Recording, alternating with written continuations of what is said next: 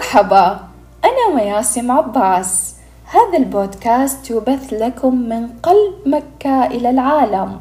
نتكلم عن الرسائل الربانية وقصص الأولين وحكايات أخرى نعيشها بتفاصيلها.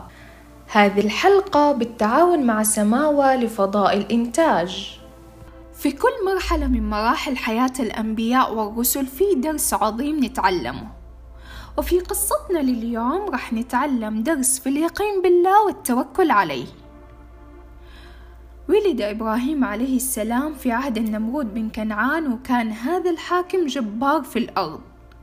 وقومه كانوا يعبدون الحجارة والتماثيل حتى نصب النمرود نفسه إلها ودعا الناس لعبادته والعياذ بالله.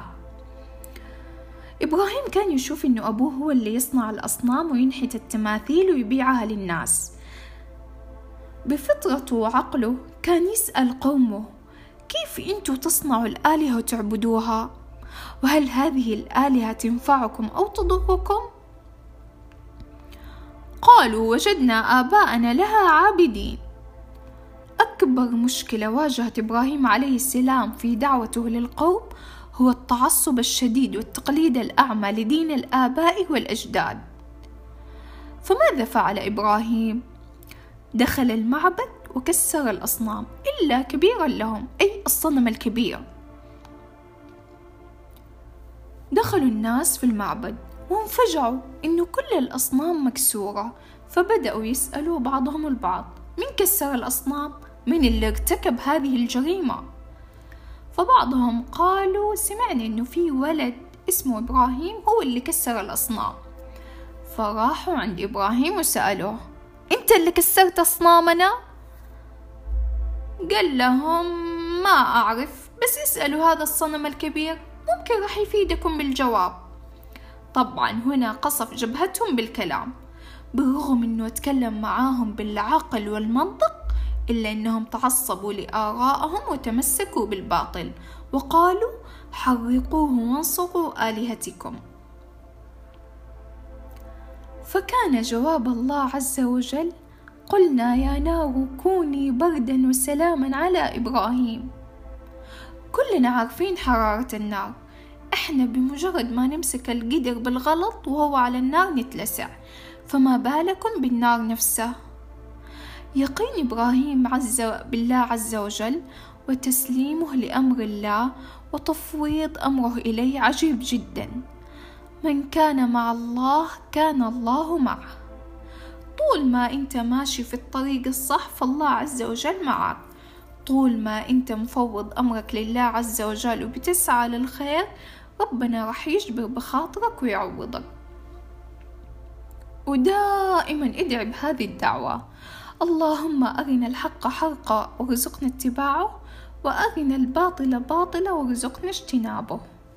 ولقد آتينا إبراهيم رشده من قبل وكنا به عالمين.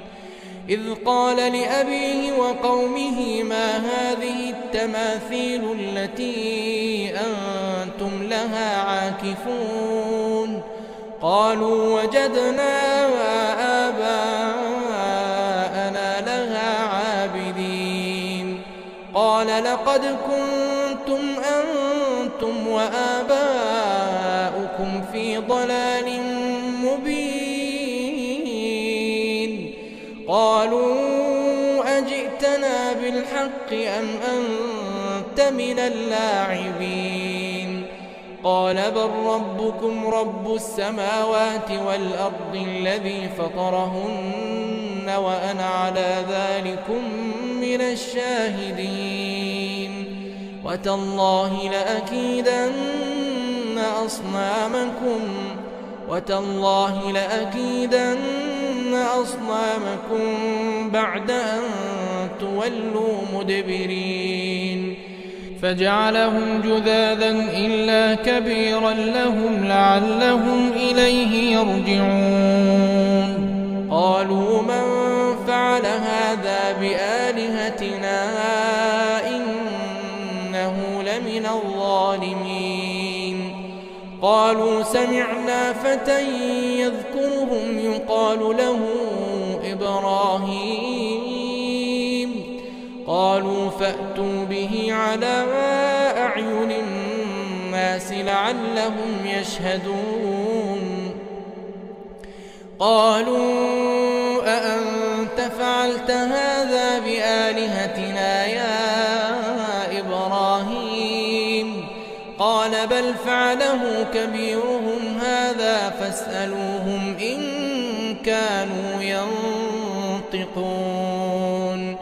فرجعوا إلى أنفسهم فقالوا إنكم أنتم الظالمون ثم نكسوا على رؤوسهم لقد علمت ما هؤلاء ينطقون قال أفتعبدون من دون الله ما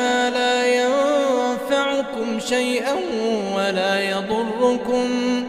أف لكم ولما تعبدون من دون الله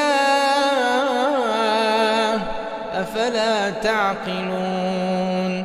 قالوا حرقوه وانصروا آلهتكم إن كنتم فاعلين. قلنا وسلاما على إبراهيم.